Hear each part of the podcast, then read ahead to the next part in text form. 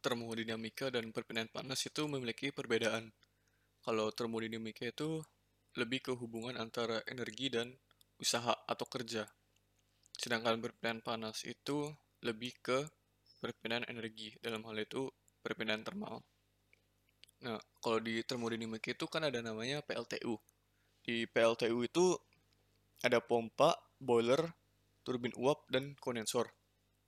Dalam termodinamika itu kita menganalisis masing-masing dari komponen tersebut.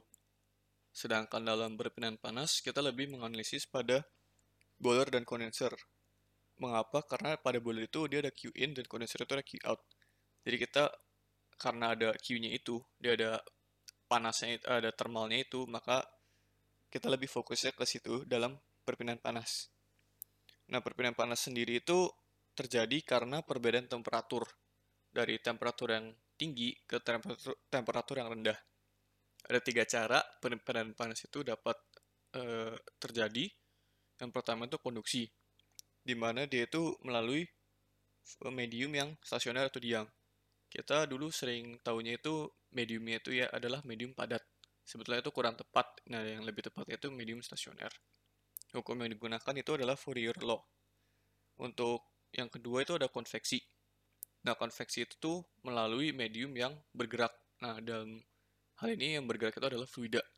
Bisa gas atau misalkan uh, air. Nah, hukum yang digunakan adalah Newton's law of cooling. Yang ketiga itu ada radiasi termal radiasi termal itu eh, dapat terjadi melalui gelombang elektromagnetik atau foton. Nah, karena gelombang sendiri itu tidak dapat terlihat, maka bisa dibilang radiasi itu tidak melalui medium perantara. Nah, itu dia memakai hukum Stephen Boltzmann. Nah, radiasi sendiri itu ada namanya irradiasi. Nah, irradiasi itu ada dua dapat eh, ada dapat dipancarkan dan dapat juga diserap.